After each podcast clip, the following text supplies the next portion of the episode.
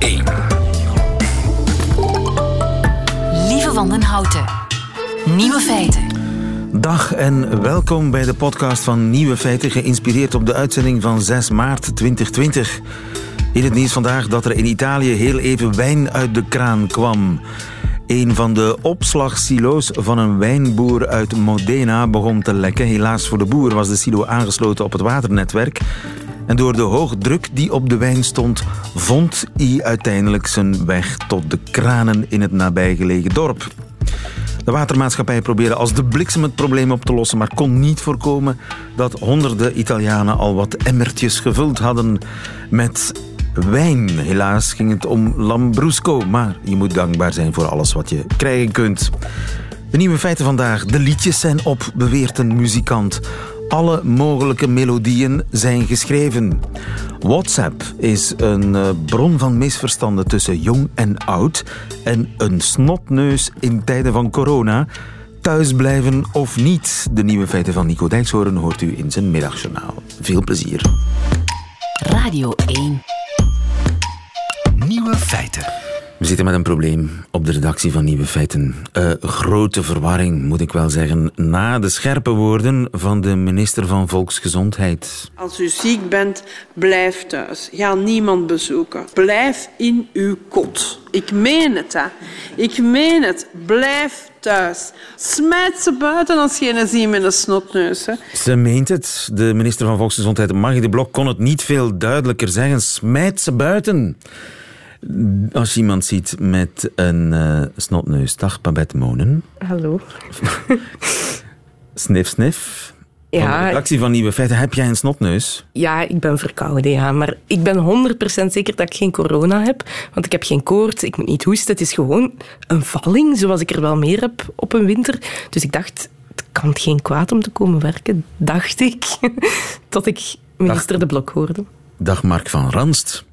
Goedemorgen. U komt als geroepen. Het is intussen middag, maar voor u is het ook heel erg druk. Uh, meneer Van Ranst, wat moeten we met Babette doen? Uit uw kot smijten. Echt waar? Man, nee. Uh, laten we gewoon gewoon doen. Ja. We kunnen nog altijd wel het verschil zien tussen koorts en hoesten en een gewone verkoudheid met... Uh, ja, snotneus zeker. Hè. Maar uh, je bent ook... Ik wil jouw privéleven en jouw medisch dossier niet op straat gooien, maar je bent ook een beetje allergisch. Ja.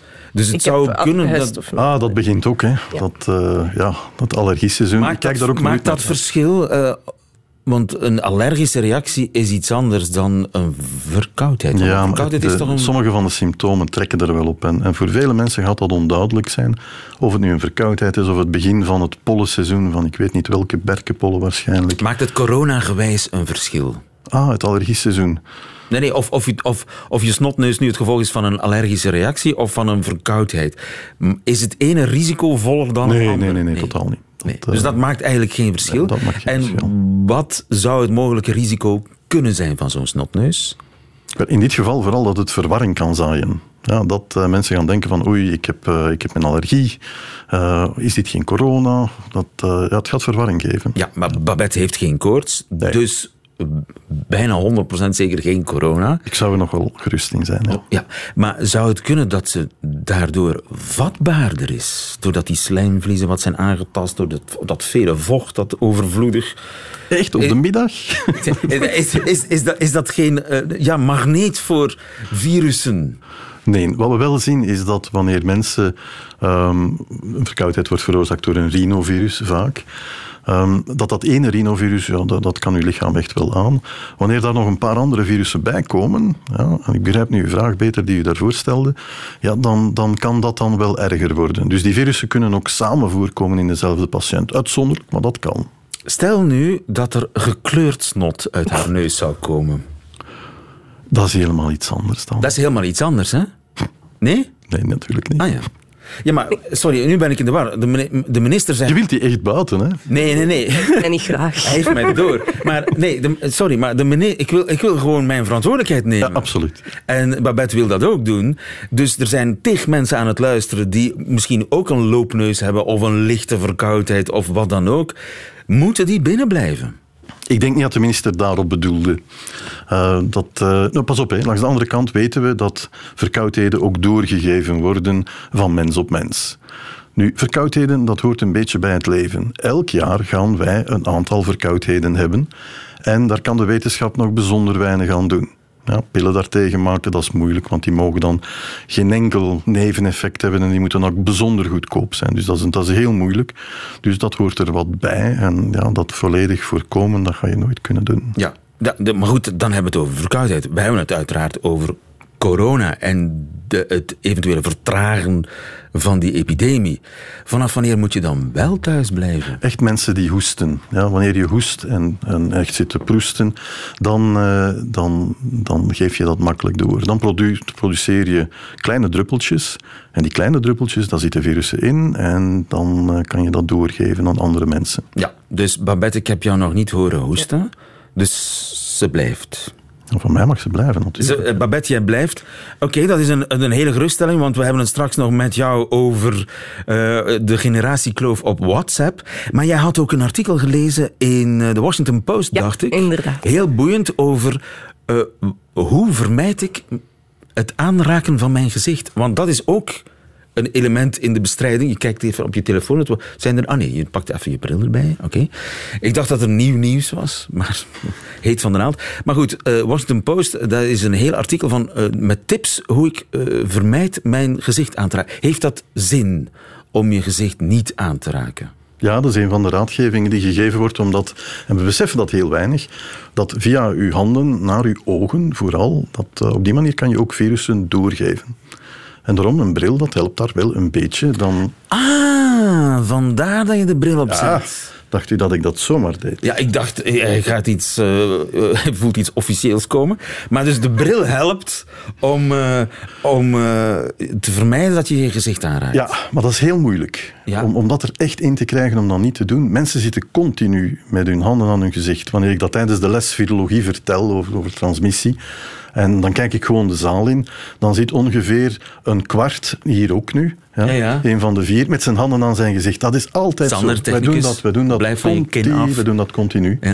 En dat afleren is bijzonder, bijzonder moeilijk. Ja, en, maar er waren wel een paar Er tips. zijn een paar tips. Ik las inderdaad...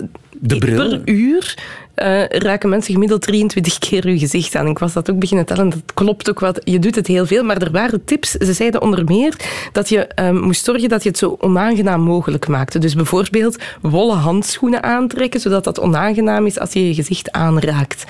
Ehm, Heeft handschoenen dragen meer zin dan een mondmasker? Want ik zie mondmaskers op de metro. Eh, dat is het beeld wat we eigenlijk niet willen zien. Ja. maar bon, ik snap mensen wel dat ze dat doen. Eigenlijk heeft dat geen zin, maar bon, eh, eh, we zien dat liever niet. Maar handschoenen dragen is misschien wel zinvol. Ja, handschoenen dragen wanneer het koud is, zie ik daar nog enig, eh, enige zin voor. Ja, om uw handen warm te houden. Maar hier in de studio, allemaal met handschoenen, ja, daar komen ze foto's van nemen. Hè. Ja, dus dat heeft eigenlijk weinig zin. Wanneer het koud is, wanneer je je Ja. handen wilt verwarmen, dat zal dan wel. Maar nog dat, tips? eh, een stressbal kopen en daar aan zitten friemelen en knijpen in plaats van aan je gezicht. Een stressbal dus. Het valt te proberen. Ja. ja, maar dan mag je die stressbal wel niet doorgeven aan anderen. Want dan is, dan is het effect echt weg. Ja. Dan is het effect misschien inderdaad een, in tegendeel. Dan geef je misschien je, je, je beestjes door. En dan was er ook nog een cursus mindfulness volgen, om te leren je bewust te zijn van wat je doet met je handen, waar dat die zijn en hoe je gezicht te vermijden. ja, dan vraag ik mij af, en wat kost die cursus dan? En hoe snel heb je dat En geleerd, hoe vraag snel ik heb je mij dat ook af. geleerd? Ja, volgens mij helpt dat geen bal. Dus ik denk dat we dat mogen vergeten. We, we- we kunnen het proberen zo weinig mogelijk ons gezicht aan te raken, maar het is een reflex. Dat is moeilijk. Ja. Dat is heel moeilijk. Goed, eh, maar dat is dan het slechte nieuws. Het goede nieuws is Babette mag Ik mag blijven. blijven, yes. Geweldig toch? Ja. Mark van Rans, fijn om je weer eens in de studio te hebben. En de geruststellende stem van de specialist. Dankjewel. Goeie.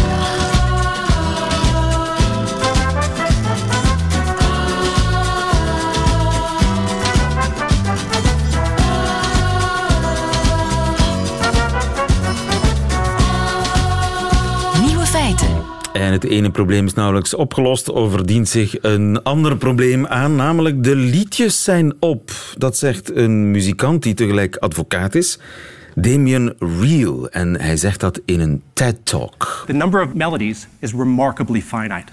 Maybe there are only so many melodies in this world. The world now looks like this. We've filled in every melody that's ever existed and ever can exist. Every step is going to be a melodic landmine. Damien Real in eh, zo'n TED-talk. Hij heeft een computer alle mogelijke liedjes laten schrijven. Uh, en als we ervan uitgaan dat een, uh, een melodie bestaat uit twaalf opeenvolgende noten, zijn er in theorie 70 miljard liedjes en die zijn dus eigenlijk allemaal al geschreven. Tom Helsen. Goedemorgen. Goedemiddag. Intussen half één. Maar ja, muzikanten, ja. Dan, uh, ja, maar ik wil eerst even zeggen, voordat ik over liedjes begin, want ik ben heel blij dat ik u zie. Ik ben Dank juist, je, Tom. juist achtergekomen dat ik al ongeveer 22 jaar komende VRT. Jij bent van de, een van de eerste mensen dat ik hier ooit gezien heb, 20 jaar geleden. Van de eerste mensen samen met Christophe Lambrecht destijds. Christophe Lambrecht Zou best kunnen, ja. En elke keer al twintig jaar, als ik u zie, zeg ik voor de grap iets tegen u, wat ik nu op de radio ga zeggen, dat ik altijd al heb willen zeggen. Ik hoop dat de mensen mij niet kwalijk nemen. Maar jij zei, en je weet het, mijn favoriete Jeannette. En als ik ooit zou overschakelen... jij ook, hoor. Als ik ooit zou overschakelen van vrouwen en mannen, dan weet ik dat waar. Dat heb ik gewoon altijd al willen zeggen. en ik ben blij dat het uit mijn systeem Jij bent mijn favoriete hetero, zal ik zo zeggen. Eh, en niet alleen dat, je bent ook de vader van een paar onsterfelijke liedjes. Laten we er een paar eh, beluisteren.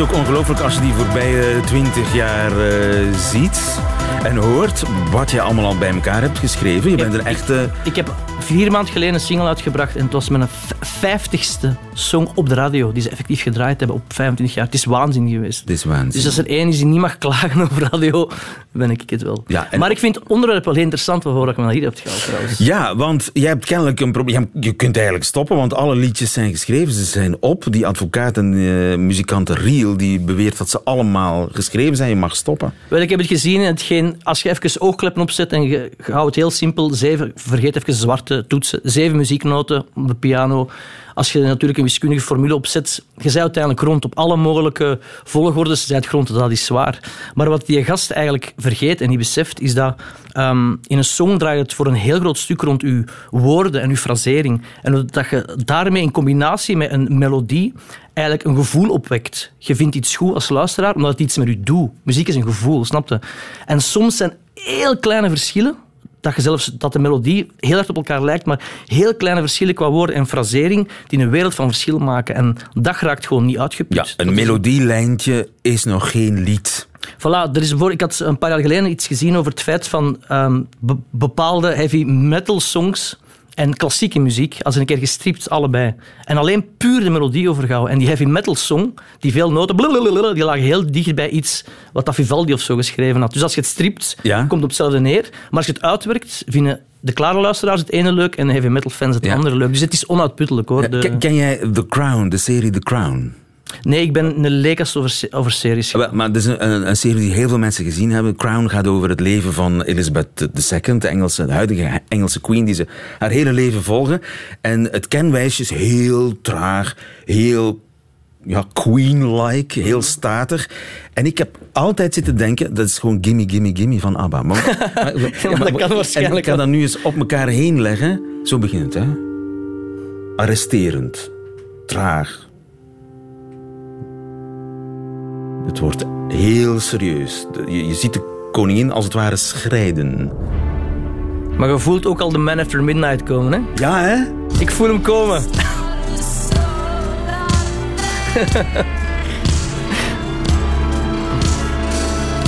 No one to hear my prayer.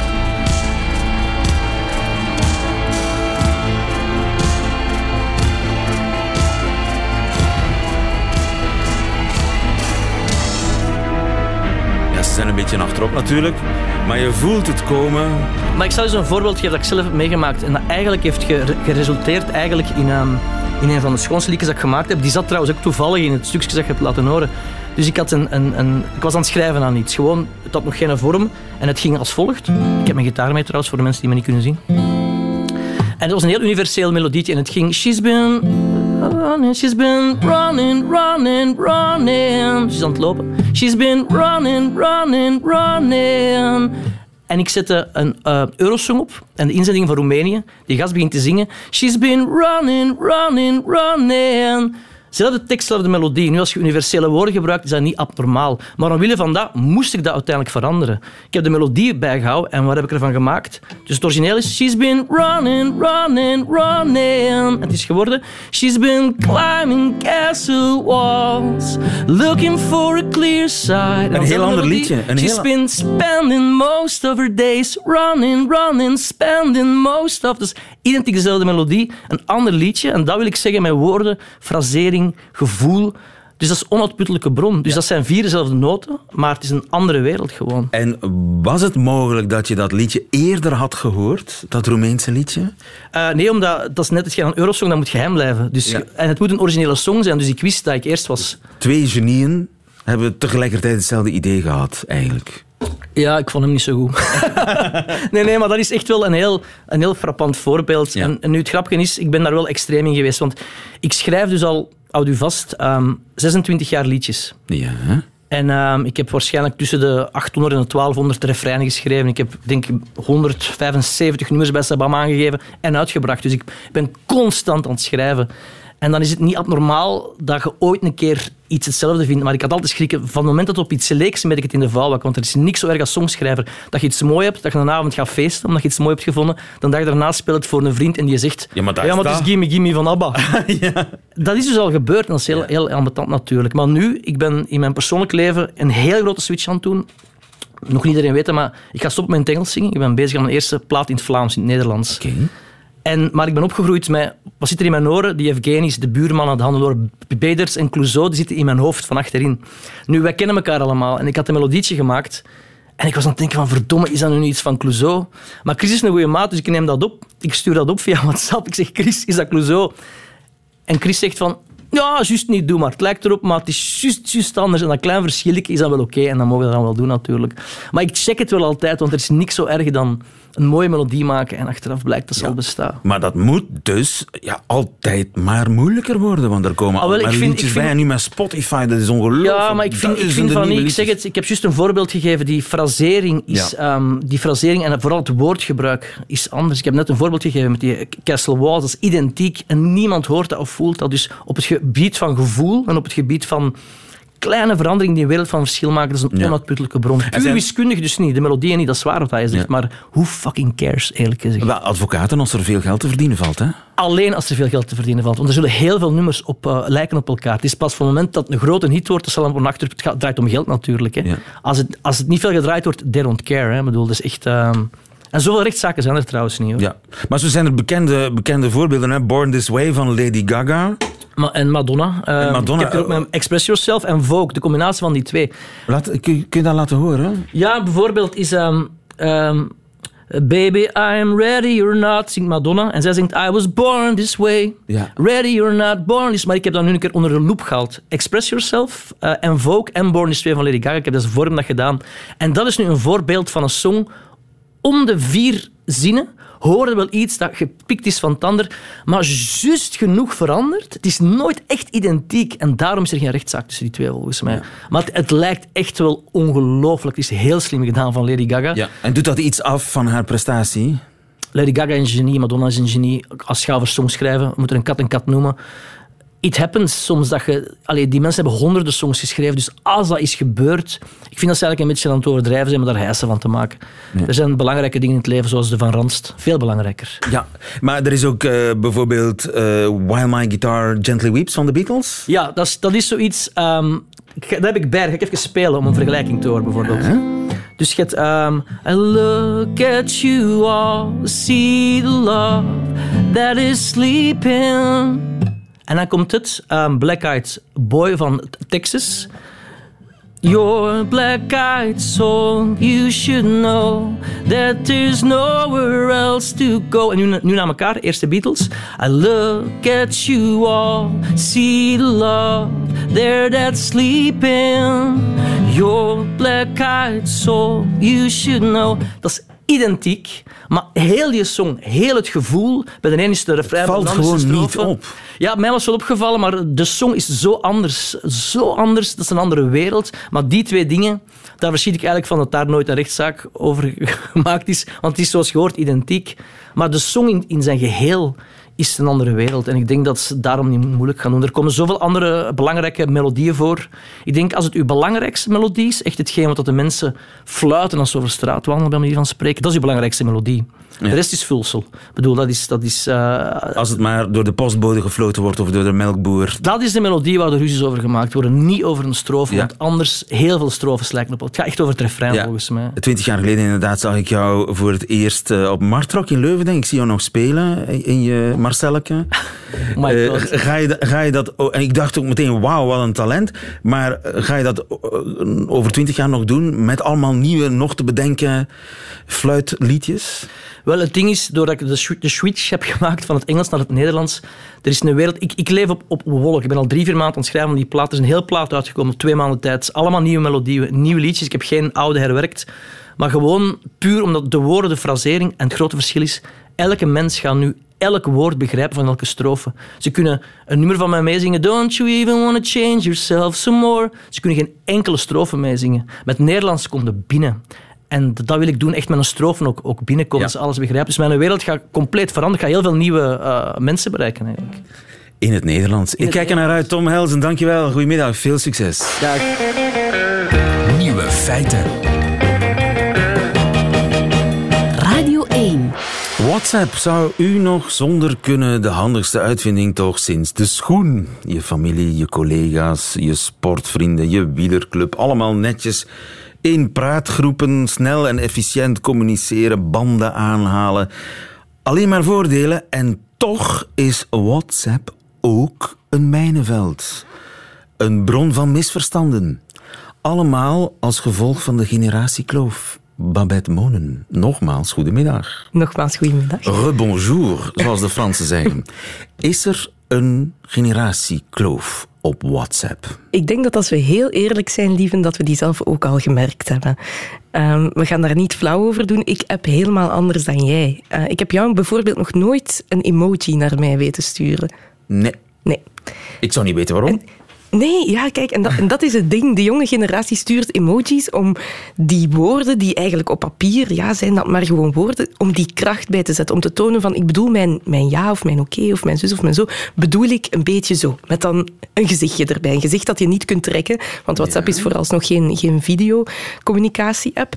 En het is wel zo, ik gebruik al veel minder emojis dan bijvoorbeeld mijn kleine broer. Mijn kleine broer, dat is iemand die zou twintig emojis in één bericht sturen. Die kan ook perfect communiceren Ik word er gek van. alleen emojis. En boomers, zoals jij, die gebruiken... Ik ben geen boomer. Excuseer. Excuseer. Ik ben een, een generatie X'er. Dat is iets anders. generatie X dan. Even ingrijpen. Nee, nee. Die gebruiken zo erg, is het, zo erg is het nu ook weer niet. Maar ik, ik zou wel eens een emoji kunnen gebruiken. Ja, dat zou wel eens kunnen. Misschien als, als, als opa een beetje hip wil doen. Ja, want dat is het dan ook weer. Ja. Je moet ook ja, het, het evenwicht een beetje eh, proberen te houden op WhatsApp. Want je hebt dan ook wel van die, van die mama's die dan mee willen zijn en die gaan dan alles in emojis sturen. En dan moet je ook beseffen van ja, zoveel emojis boven je veertigste staat dat je even goed als het kapsel van Billie Eilish. Niet. Je moet dat niet doen. Je mag gerust binnen je eigen generatie blijven. En je mag gerust zeggen, oké ja, die emojis, ik voel het niet. Ik ga dat dan ook gewoon niet doen. Want je moet ook weten, emojis betekenen soms ook niet wat je denkt dat ze betekenen. Stel, hè, jij bent een, een hardwerkende mama en je kind vraagt: hey mama, ehm, wat eten we vandaag? En jij stuurt een aubergine en een tomaat en een stuk parmezaanse kaas terug. Zo stom ben ik nu ook niet, hè? Ik ben, ik ben super trots, want ik heb hier een overheerlijke melanzane parmigiana gemaakt. Ja, goed, dan weet je dat je kind zich ergens voor jou staat te schamen gewoon. Want een aubergine is inderdaad opa, Soms is een aubergine gewoon een aubergine. maar soms ook niet. En Soms, eh, meestal niet. eh, zeker niet op WhatsApp en zeker niet als eh, emoji, want dan betekent het eigenlijk gewoon een, een eh, erectie. Inderdaad. Zover ben ik al. Maar er zijn, een heleboel, eh, er zijn een heleboel emoties waar ik gewoon echt totaal geen flauw benul van heb. Oh, maar ik ook hoor. Dus dat, dat is gewoon, je moet gewoon de emotie nemen die voor jou het beste past. Maar ik, ik je moet je schrijf er- mijn hele leven al zonder Ja, en maar ik, dat ik is vind het dat- een soort zwakheid om met emojis te gaan werken. Ik bedoel, ik, het, het is een soort zwaktebod. Maar dat is het ding, denk ik. Jij zegt inderdaad, ik schrijf mijn hele leven al zonder. En de eh, generatie X'ers en ouder, dat zijn mensen die WhatsApp zien als geschreven communicatie. En daarom gaan die niet, ook niet schrijven zoals ze spreken. Maar terwijl de jongere generatie, die probeert dat net wel te doen. Die probeert echt te schrijven zoals ze spreken. Daarom sturen die nooit gewoon ook een oké. Zo een O en een K. Zoals mijn vader dat letters. bijvoorbeeld vaak doet. Ja, ik denk dan meteen, ik heb Normale iets mensen schrijven oké, Hij is boos, denk ik dan. Oh. Hij is boos. Want ja, als ik dat, als, als jongere generatie dan, als ik mezelf nog zo mag noemen, als ik dat dan lees, ik hoor dan gewoon oké. En Je dan hoort ik, gewoon oké. oké. En dan denk ik, er, er moet nog iets volgen. Terwijl ik schrijf dan naar mijn vriendin oké, als ik heel blij ben, omdat ik dan denk dat dat, daar, dat, dat daarin zit, die Met emotie. vijf E's en een J. Ja, inderdaad. Oké. Of okie, of iets, iets vrolijk. Omdat oké, dat kan heel erg als een robot klinken. Als, als ik stuur van, ja, ik heb, ik heb dat of dat voor gehad, eh, kunnen we het daar straks eens over hebben, en iemand stuurt oké, dan denk je, dat wordt een zwaar gesprek. Terwijl als iemand zegt oké... Soms is oké, gewoon oké. ja, en dat mogen we ook niet vergeten. En zeker als je appt met, een, met iemand van een andere generatie, denk ik dat je dat ook in je achterhoofd moet houden. Want hoe vaak dat ik al niet gestuurd heb naar mensen, als ze oké sturen, oei, is alles oké? En dan moeten ze gewoon eigenlijk nog eens oké sturen, omdat het echt wel oké is. Eigenlijk, als mensen van een oudere generatie oké sturen, willen ze gewoon zeggen, we zullen het er straks misschien nog eens over hebben als het nodig is. Dit is gewoon mijn medium niet, laat me gerust, ik heb je boodschap gelezen. Dat is eigenlijk wat ze zeggen. En niet dat ze stiekem boos Ja. zijn. Of, En, ja. en je hebt van die mensen die van die, van die twaalf berichten naar elkaar sturen. Dat, Ja. Ik vind het zo heigerig. Dat is ook echt een groot verschil tussen de generaties. Hè. Dus eh, als, jij van, als ik van jou twaalf berichten zou krijgen, dan zou ik al denken, er is iets aan de gang. Armageddon is begonnen. Maar als je ouder bent, dan, dan gaat het dus echt zo. Net mijn punten gekregen. Zes voor fysica, negen voor, negen voor turnen. Eh, en zo gaat dat dan maar door. En dan nog op. Ik stuur even een Waarom foto, een leuke gif. Mag ik nu op de Playstation vanavond? En dan denk je, ja oké, nu heb ik al acht berichten gekregen. En ik Heb je heb die pillen eigenlijk- genomen? Of wat is, eh, waar, waar is dat voor nodig? Waarom iedere keer cent, cent, cent, cent? Ja, omdat je zo ook spreekt. Je, je denkt, ah, ik heb net mijn punt gekregen, daar zou wel een reactie op kunnen komen. Ik, een 8 voor fysica, dat ga ik ook nog even zeggen. Mag ik dan op de Playstation? Dat zijn verschillende boodschappen voor in, in het hoofd van de jonge generatie. De oudere generatie werkt met alinea's en lost het op die manier op. Zeg maar, de, de, eh, de jonge generatie waar jij jezelf als vieze oude vrouw van boven de dertig Ja, toch ik nog weet bij rekent. echt belachelijk. Als, als, als, als jij dan een, een echte brief schrijft of een, of een mail... Dan doe ik dat niet, hè, voor de duidelijkheid. Dus je, je, switch- je bent Ja, voor tweetalig. mij is WhatsApp een gesproken medium waar je nu toevallig moet schrijven. En de mail, dat is, dat is geschreven. Maar je ziet inderdaad wel een switch. Jongere mensen, jongere mensen dan ik, ik weet dat die er ook zijn, die zullen ook al sneller emojis gaan gebruiken in werkmails enzovoorts. Dat, dat doe ik dan niet. En dan zit daar ook alweer een generatiekloof, om het zo te zeggen. dus de situatie is zoals ze is. Eh, het heeft geen zin dat ik als een bakvis begin eh, emojis en oké te schrijven. En, en dat, dat moet ik zeker niet doen. Hè. Dan maak Nee, ik dat, mij echt dan maak je echt belachelijk, denk ik. En Dus we moeten het gewoon van elkaar weten. we moeten die misverstanden eventjes van elkaar weten. Vandaar, ik denk, als je deze opleiding in gedachten houdt, dan komen we er wel, denk ik, met die kloof. Licht in de duisternis, dankjewel Babette Monen. Goedemiddag. Radio 1. Dat waren ze, de nieuwe feiten van 6 maart 2020. U krijgt alleen nog die van Nico Dijkshoorn in zijn middagjournaal. Nieuwe feiten. Middagjournaal. Beste luisteraars, ik moet even iets aan u kwijt en dat kan niet wachten. Ik maak me een beetje zorgen. Zoals u misschien al weet, en ik zal dat ongetwijfeld hier wel een paar keer hebben verteld, koop ik knuffels en dan geef ik die knuffels altijd een naam. Dat is heel belangrijk voor mij. Ik koop bijvoorbeeld een stoffen beertje met een ruiten pet op zijn kop. En er zit er bijna altijd een labeltje aan de zijkant van dat beertje waar ze dan zijn naam op hebben gezet. En dat knip ik er meteen af. Want die beer, die kan dan honderd keer Harry heten, maar ik bepaal zelf wel hoe mijn beer heet. Beren met een ruiten pet op, die heten namelijk Beertje Grom. Dat weet iedereen. Maar nu komt het. Tot nu toe had ik dat alleen met knuffels. Maar zojuist, een kwartier geleden, stond ik mijn koekenpan af te wassen. En toen zei ik, duidelijk hoorbaar: Zo, Rinus, jij bent weer schoon. Luisteraars, daar schrok ik van. Blijkbaar zit ik nu in een volgende fase en vind ik dat ook koekenpannen een naam hebben. Hij staat nu in de keuken, ik kijk ernaar. En die koekenpan, ik moet gewoon eerlijk zijn, als die een naam heeft, dan heet hij Rinus, dat kan niet anders. Ik heb ook naar al mijn andere pannen gekeken waar ik al bang voor was. Die hebben ook opeens allemaal een naam. Een klein pannetje waar we altijd eieren in koken. Theo. Een enorme pan waar we stoof in klaarmaken. Teun. Toen ik alle pannetjes had gehad, begreep ik opeens dat het allemaal mannetjes waren. Hoe zat dat in dat seksistische hoofd van mij? Was dat niet heel vreemd eigenlijk en heel verdacht dat al mijn knuffels en pannetjes jongetjes waren? Ik ben daarna op zoek gegaan naar een voorwerp met een meisjesnaam. En het ligt nu voor me. Het is een sinaasappel. Ze heet Babette. Haar broer ligt vlak naast haar, een banaan, luisterend naar de naam Peter. Luisteraars, ik vind het nou opeens zo erg.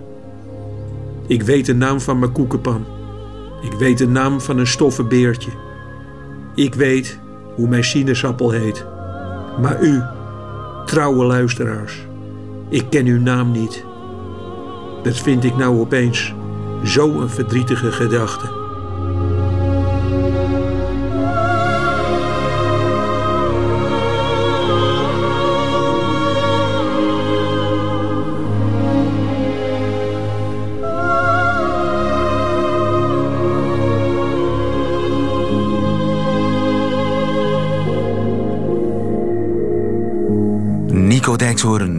Het Middagjournaal. Einde van deze podcast. Hoort u liever de volledige uitzending met de muziek erbij? Dat kan via de app van Radio 1 en op de site vindt u nog veel meer podcasts. Tot een volgende keer.